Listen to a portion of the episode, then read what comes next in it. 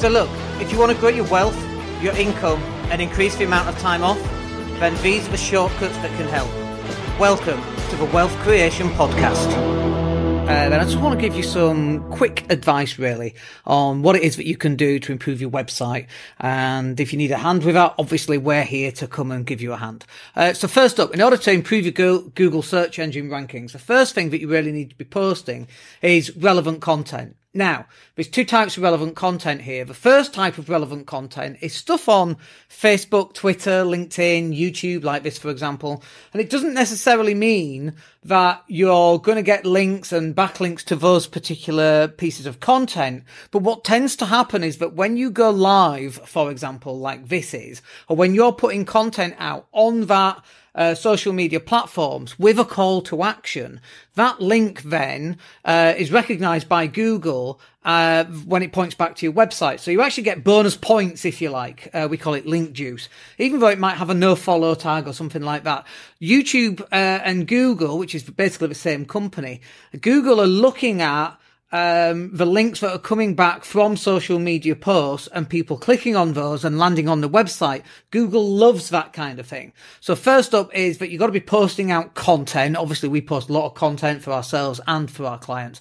Uh, but then in addition, the type of content that you need to be posting is you should be taking some of that content, you should be going over to your website and you should be embedding some of that content in your website. So for example, this particular video will go over to one of our SEO pages and be embedded. Google loves that type of stuff as well. And the more relevant content that you have both on social media platforms and on your website to drive traffic back to your website, Google absolutely loves that. And then interestingly as well, uh, and I don't think this should really come as a surprise, uh, but Google loves fresh content. Have you ever gone to a website and the website's not been updated and you're wondering, are these people even in business anymore? Google thinks the same. So whenever uh, Google visits the website, it's looking to see what's been updated, what's not been updated. And if a website's not been updated for a year or two, which basically is most websites, right?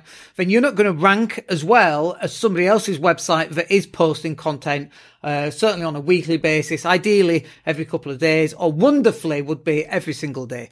But you've got to have fresh content because Google loves fresh content. And when you're creating that fresh content, might be a blog post with 500 or 1000 words or 2000 words.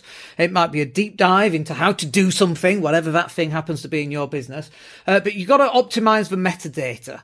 And, and met- metadata is just a fancy word, basically. You need, uh, when you upload an image, you've got to call the image the right name. Uh, you've got to have an alt tag, uh, so that if someone's, um, looking at your website without images switched on, which is something we used to do in the old days, uh, when we didn't have the bandwidth that we do now.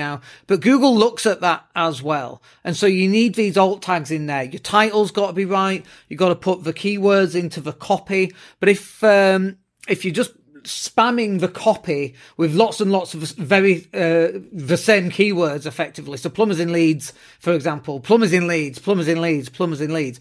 Google recognizes what you're doing. It's called keyword stuffing and that'll actually rank against you, not for you. So you've got to optimize your metadata and knowing how many times to use that specific keyword or similar kind of keywords is really, really important. And then obviously finally, you got to identify what are the keywords. And what we mean by this are what keywords are people going to Google and typing into uh, the Google search results? So, for example, if they're looking for a plumber because we've got a leak, it's uh, it's two o'clock in the morning, a pipe's burst, and you're in Leeds two, LS two. What are you typing on Google? Now, I think there's probably a good chance that you're typing emergency plumber LS two. So if you've got a web page that talks about being an emergency plumber in LS2 24 hour call out and you have enough content and you've optimized the metadata and you've got a lot of fresh content going out on your website and Google are recognizing that you're posting on social media and it's, you know, it's optimizing your website to be found, then you're going to have a much better way of getting found on Google. Now, obviously, that's a lot of work to do, right? So if you do get stuck on that, just fill in a web audit in the box down below and then we'll come and help you. And uh, if you want to, uh, any further information, just come onto our website and give us a, sh- a shout. All right. I hope you find that useful. We'll speak to you on the next one. Hey, it's Dan here. Thank you for listening. Really appreciate each and every one of you. Please click like or subscribe to the entire podcast.